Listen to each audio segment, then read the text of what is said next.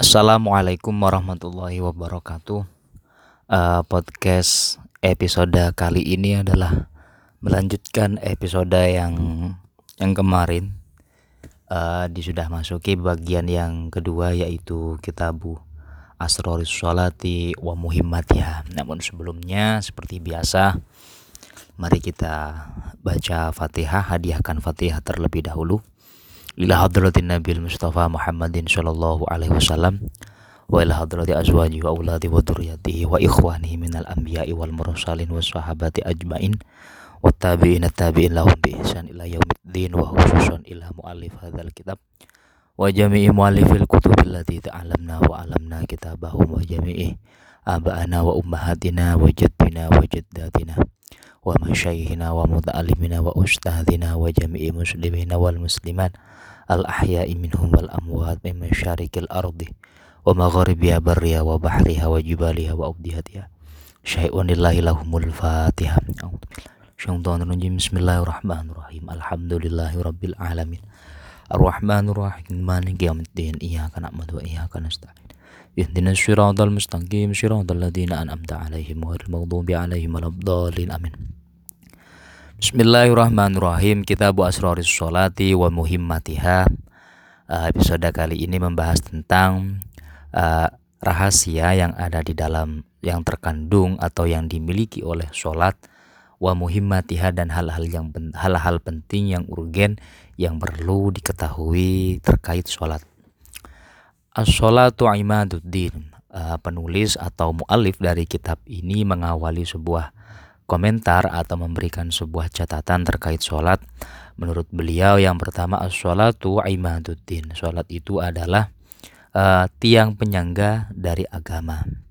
Uh, salah satu dari tiang penyangga terhadap agama yang di mana fungsi dari tiang penyangga tersebut adalah agar bangunan agama tersebut agar bangunan tersebut tidak roboh sehingga sholat di tamsil atau diumpamakan sebagai tiang penyangga.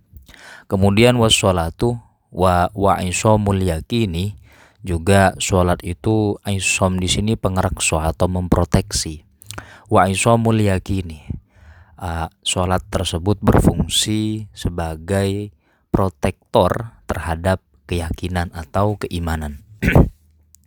Wasayidatul kurbati dan sholat termasuk penghulu dari beberapa ibadah yang mendekatkan diri kepada Allah Subhanahu wa taala. Wa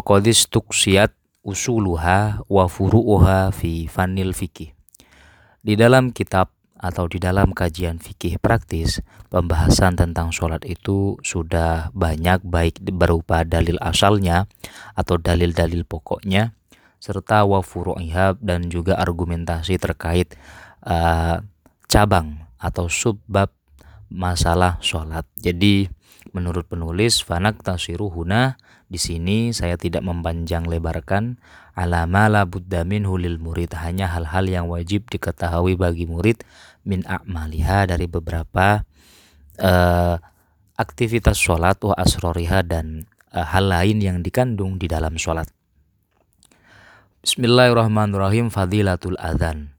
Sebelum mengawali dan mengupas terkait sholat, penulis uh, di sini membahas tentang fadilah al-adzan. Qala Nabi Shallallahu alaihi wasallam Idza sami'tum an-nida'a kalau Anda kalau kalian semua mendengar an-nida panggilan dalam tanda kurung panggilan adzan fakulu maka katakanlah mislama yakulu mislama seperti halnya apa yakulu yang dikatakan uh, al muadzinu seorang yang sedang adzan. Wadalika mahbubun mustahabun dan hal tersebut sangat disukai dan memang disunatkan illa fi hay alataini kecuali redaksi yang dikatakan tidak sama dengan apa yang didengungkan oleh muadzin kecuali uh, panggilan berupa hayya ala taini yaitu hayya ala sholah dan hayya ala falah.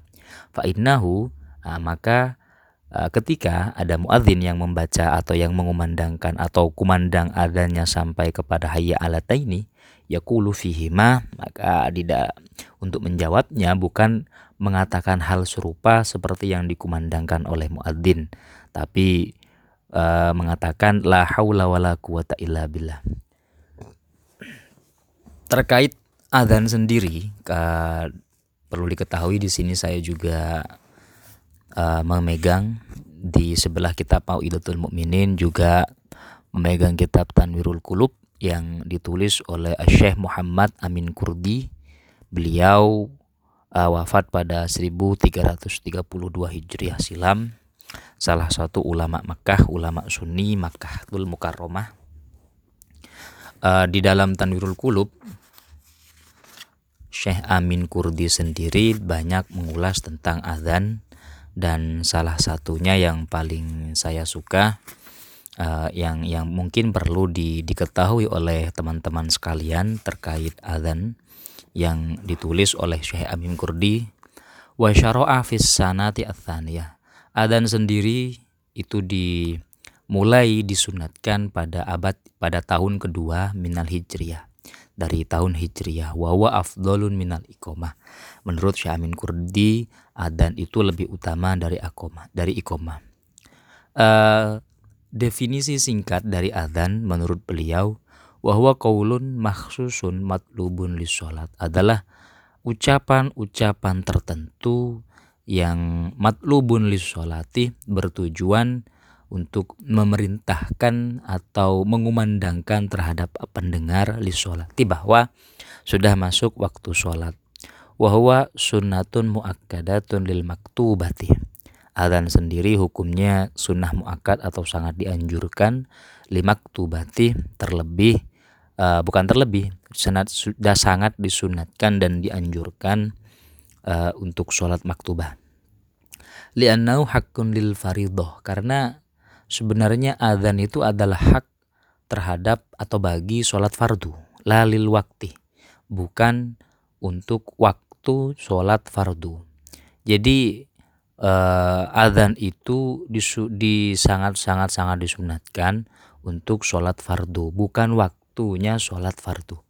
Jadi pada dasarnya adzan itu dikumandangkan untuk menandakan bahwasannya sholat sudah masuk pada waktunya.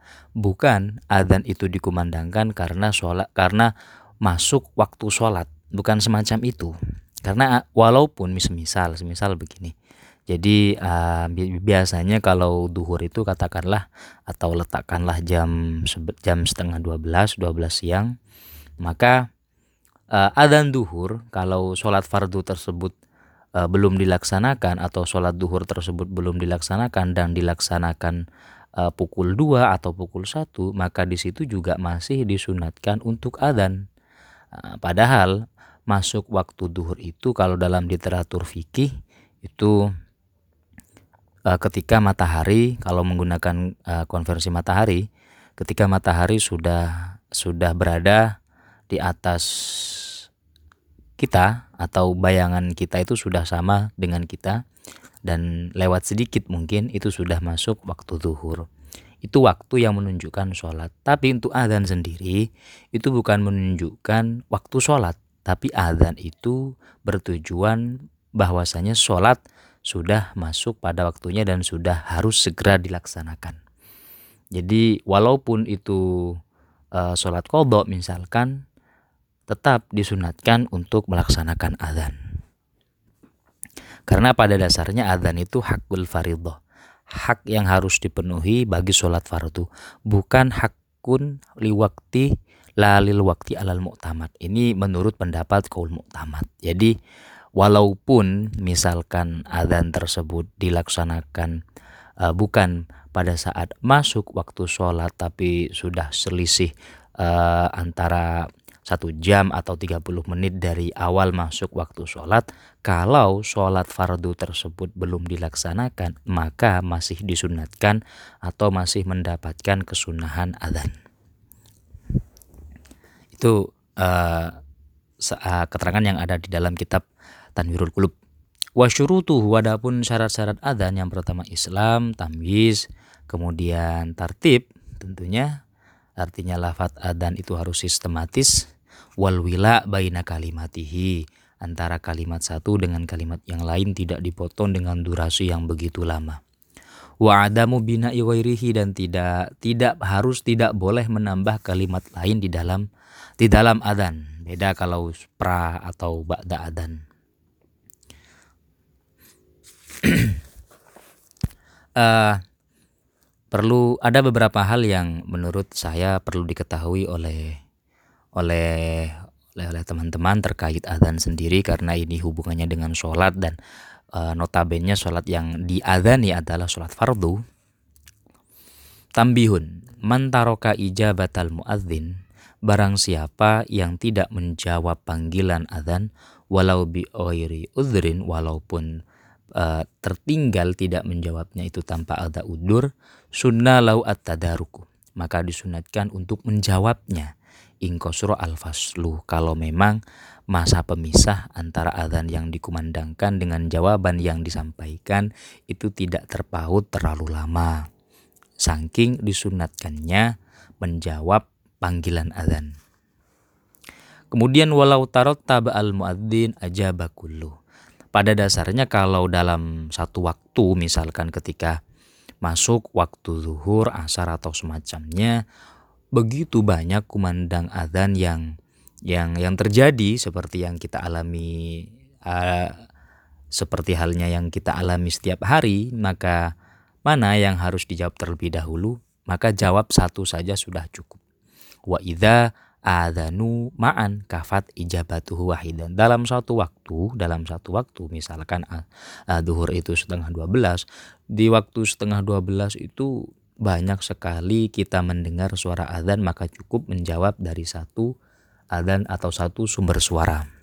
Tapi kalau berurutan walau tarot taba, kalau adanya berurutan uh, 10 menit kemudian ada adzan, 15 menit kemudian ada adzan, kemudian dua misalkan 25 atau 45 menit kemudian ada adzan dari masuk waktunya dari masuknya waktu sholat maka disunatkan semua adzan tersebut jawab karena tarotub artinya tidak bersamaan adanya itu saling saling bergantian. Hmm, faidatun. Uh, di sini saya juga mendapatkan keterangan dari Imam Suyuti yang dikutip oleh uh, penulis kitab Tanwirul Kulub yaitu Syekh Amin Kurdi. Wakola As-Suyuti halaman 123 Waqala as-suyuti man takallama halal adzani barang siapa yang berbicara ketika adzan yahsya alaihi min su'il khotimati dikhawatirkan orang tersebut mengalami yang namanya su'ul khotimah artinya mati dalam keadaan tidak membawa iman tidak membawa Islam. Yakni yang dimaksud yahsya min su'il khotimah di sini idza fa'ala dzalik ma'akillatil mubalah bil ijabah. Ketika dia sama sekali tidak mengabaikan azan yang sedang terjadi atau yang azan yang sedang dikumandangkan. Artinya memang acuh. Nah, itu. Dikhawatirkan hanya sifat uh, sifat menurut Imam itu sangat dikhawatirkan barang siapa ketika ada azan dan tidak peduli dengan panggilan tersebut artinya tidak menjawab atau tidak diam sebentar uh, itu dikhawatirkan mati dalam keadaan hus, uh, su'ul khotimah. Hmm. Na'udzubillah min dalik. Uh,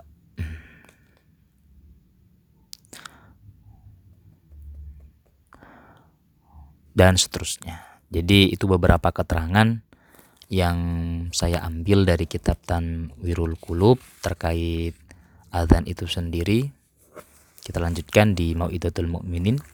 Wa indal farogi kalau sudah selesai dari adzan yakulu maka katakanlah doa setelah adzan Allahumma rabba hadhihi da'wati tammah wassalatil qa'imah ati Muhammad wasilata wal fadilah wa ba'athu maqaman mahmudal ladzi wa'atta terkait fadilatul adzan Bismillahirrahmanirrahim. Berikutnya dalam kitab masih dalam kitab Mau'idatul Mukminin kebetulan beberapa pembahasan ada sinergi atau ada kesamaan dengan pembahasan dalam kitab-kitab yang lain dan di di depan saya kebetulan hmm, ada kitab Mau'idatul Mukminin dan kitab Tanwirul Qulub. Jadi untuk menambah beberapa referensi dan keterangan yang tidak ada di dalam kitab Mau'idatul Mukminin. Fadilatul Maktubah. Keutamaan sholat fardu atau sholat maktubah. Biasanya kita meng ada istilah uh, sholat wajib, sholat fardu, sholat maktubah. Sebenarnya itu sama saja. Artinya uh, padanan kata atau sinonim baik itu maktubah, baik itu fardu, baik itu wajib itu semuanya memiliki makna yang sama. Kenapa di, di sini menggunakan uh, maktubah? Istilah maktubah mungkin uh, mungkin terinspirasi dari firman Allah, "Inna sholata kanat alal mu'minina kitaban mauquta." Bahwasanya sholat itu diwajibkan kitaban alal mukminin terhadap setiap orang mukmin dan maukutan dan sholat itu memiliki waktu-waktu yang tertentu, tidak sembarangan.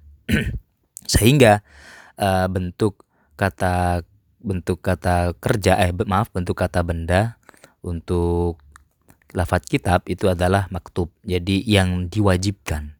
Fadilatul maktub, keutamaan sholat-sholat yang diwajibkan. Waqala Nabi Shallallahu alaihi wasallam. Su'ilan Nabi Shallallahu alaihi wasallam. Uh, Nabi Muhammad ditanya, Ayyul a'mali afdol, amal apa yang lebih utama? Uh, Faqala Nabi berkata, As-sholatu liwaktiha. Sholat kalau sudah masuk waktunya.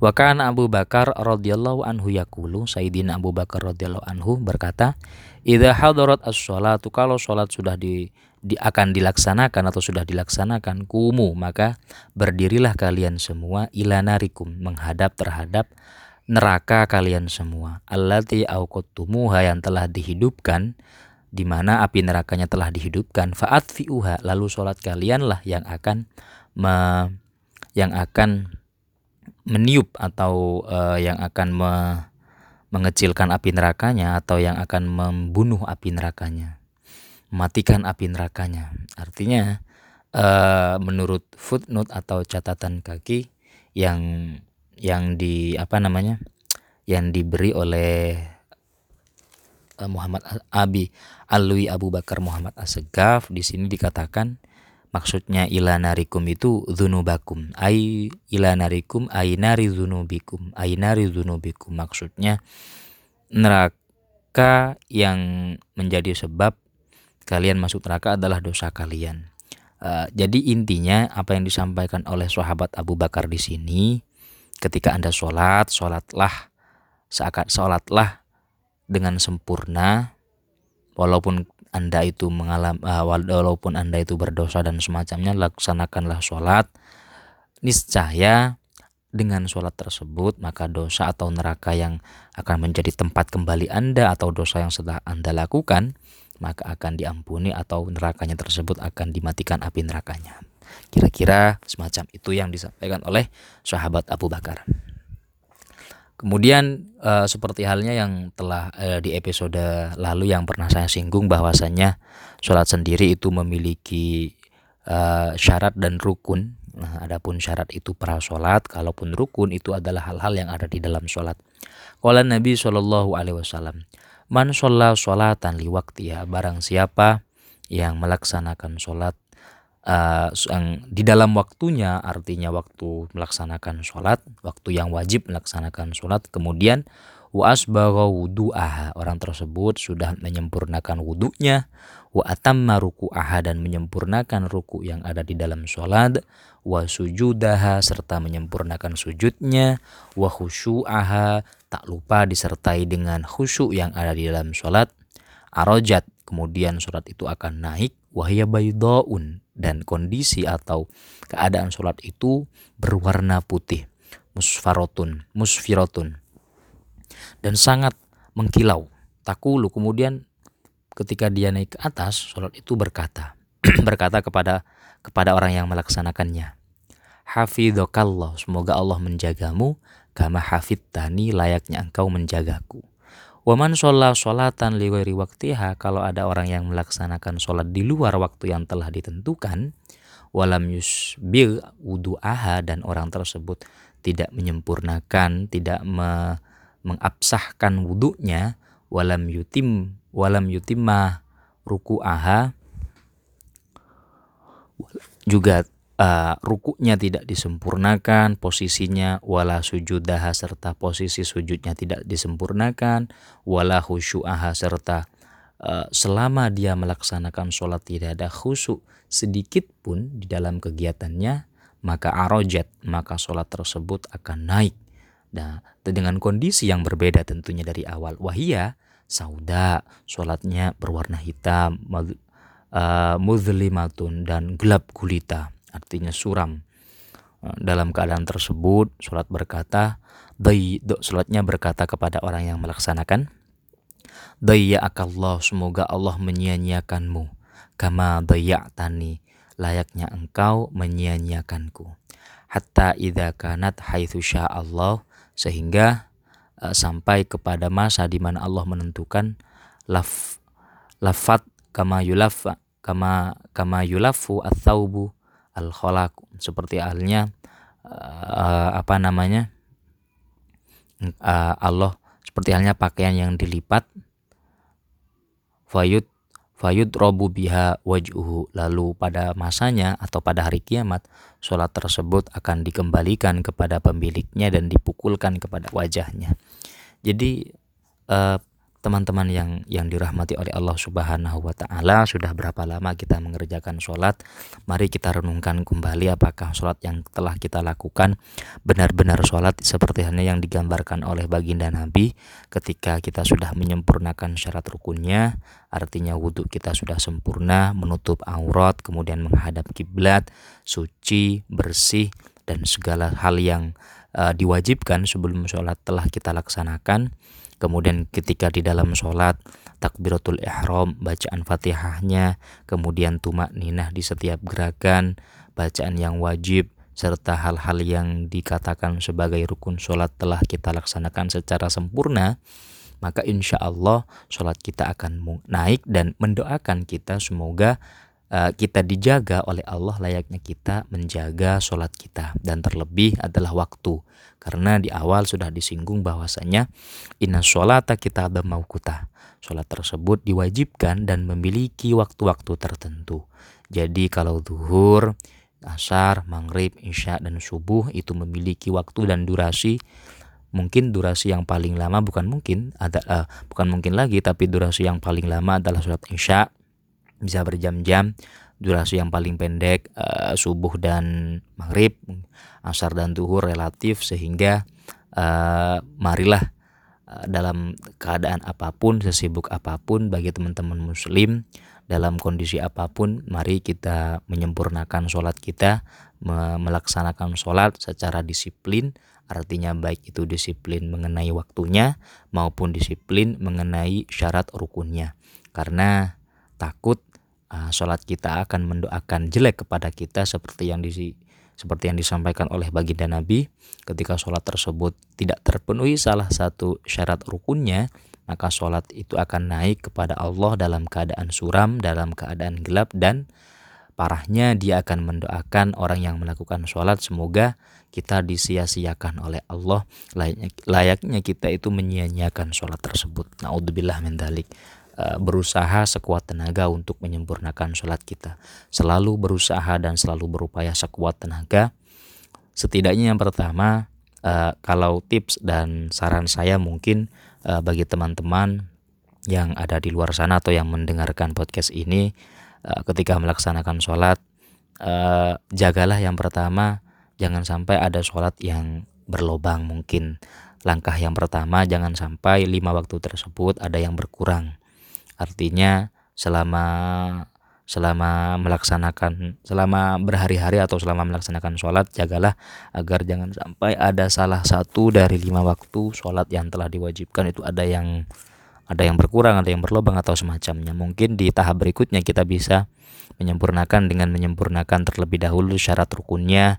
Kita menyempurnakan terlebih dahulu Eh, syarat-syarat uh, sebelum sholat. Misal menggunakan pakaian yang suci menghadap kiblat terlebih lagi wudhu yang kita lakukan kita juga harus menyempurnakannya pembasuhan wudhu kemudian wudhu-wudhu yang sudah diterangkan di dalam beberapa literatur fikih klasik mari kita gunakan.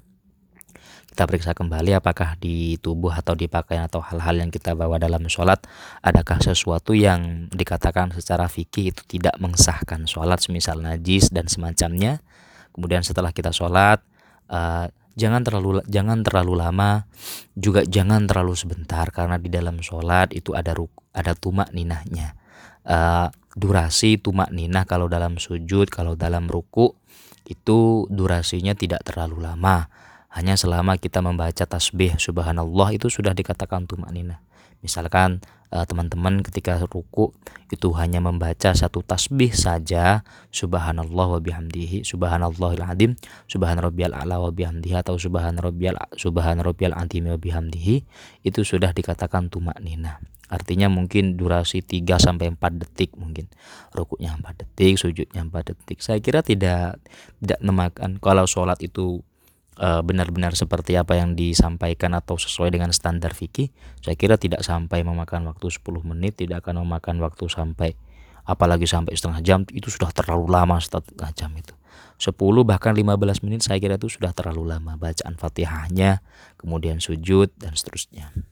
Jadi di 24 jam di antara waktu kita mari kita sisihkan mungkin kalau 5 menit lah katakan durasi paling lama 5 menit.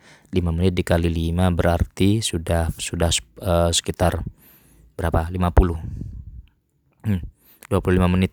Di antara 24 jam kita menyisihkan waktu 25 menit untuk melaksanakan sholat. Hanya 25 menit. Tidak makan waktu banyak.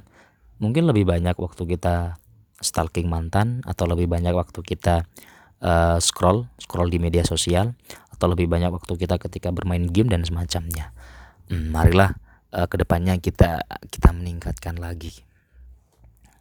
Kemudian fadilatul jamaah di sini diterangkan nah sholat itu bisa dikerjakan secara sendiri atau yang lebih baiknya sholat itu dilaksanakan secara berjamaah minimal berjamaah itu dua orang tidak harus sampai satu masjid tidak harus sampai berapa itu minimal dua orang ada imam ada makmum itu sudah dikategorikan berjamaah. Dan pahalanya sama banyaknya dengan pahalanya insya Allah sama banyaknya dengan orang yang berjemaah satu masjid dengan makmumnya yang banyak dan seterusnya. Tapi kalau masalah kualitas pahalanya wallahu a'lam saya tidak tahu. Yang penting apabila Anda melaksanakan sholat jamaah itu lebih baik daripada Anda melaksanakan sholat sendirian. Bahkan di dalam uh, madhab syafi'iyah ada pendapat yang mengatakan uh, sholat jamaah itu hukumnya fardu kifayah.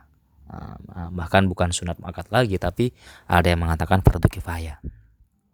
Kalau Nabi Shallallahu Alaihi Wasallam Sholatul jam'i, sholat jamaah, tafdulu sholat al-fadhi.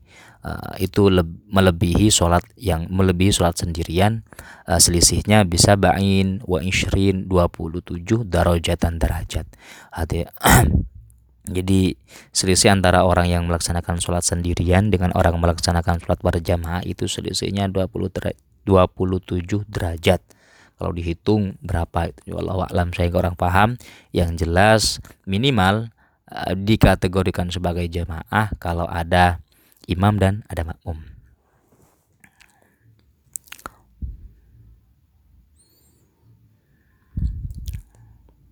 Fadilatus sujud. Uh, berikutnya adalah keutamaan sujud. Artinya di dalam sholat itu ada rukun berupa sujud. Apa fadilah dari sujud tersebut?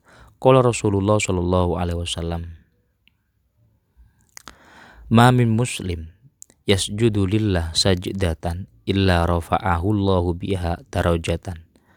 Tiada muslim yang sujud karena Allah Subhanahu wa taala satu kali sujud di dalam salatnya illa rafa'ahu Allah kecuali Allah akan angkat biha karena sujudnya darajatan mengangkat derajatnya wahato anha biha sayyiatan dan karena sujud sekali sujud yang telah ia laksanakan di dalam sholat Allah akan lebur Allah akan hapus satu satu kejelekan darinya. Waqala Nabi sallallahu alaihi wasallam aqrabu ma yakunu al abdu min rabbih wa huwa sajidun aqrabu ma yakunu al abdu kondisi yang paling mendekatkan seorang hamba mirobbihi terhadap Tuhannya wahwa sajidun adalah kondisi di mana seorang hamba dalam keadaan sujud. Fa'aksiru at-du'a sehingga kata Nabi perbanyaklah doa ketika sujud. Jadi uh, kondisi di mana hamba itu bisa lebih dekat kepada Tuhannya adalah posisi atau kondisi di mana ketika dia melaksanakan sujud. Sehingga kata Nabi perbanyaklah doa ketika Anda sujud. Karena semakin Anda dekat dengan Allah maka akan semakin semakin mudah untuk cepat dikabulkan oleh Allah Subhanahu wa taala.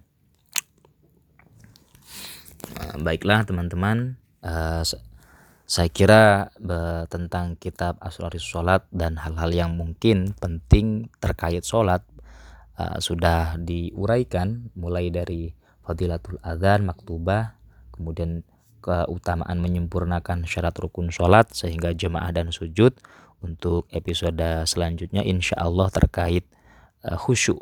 Bagaimana cara kita khusyuk dalam sholat khusyuk itu seperti apa dan khusyuk itu bagaimana kemudian signifikansi khusyuk terhadap ibadah sholat itu apa dan seterusnya insya Allah akan diulas di episode berikutnya.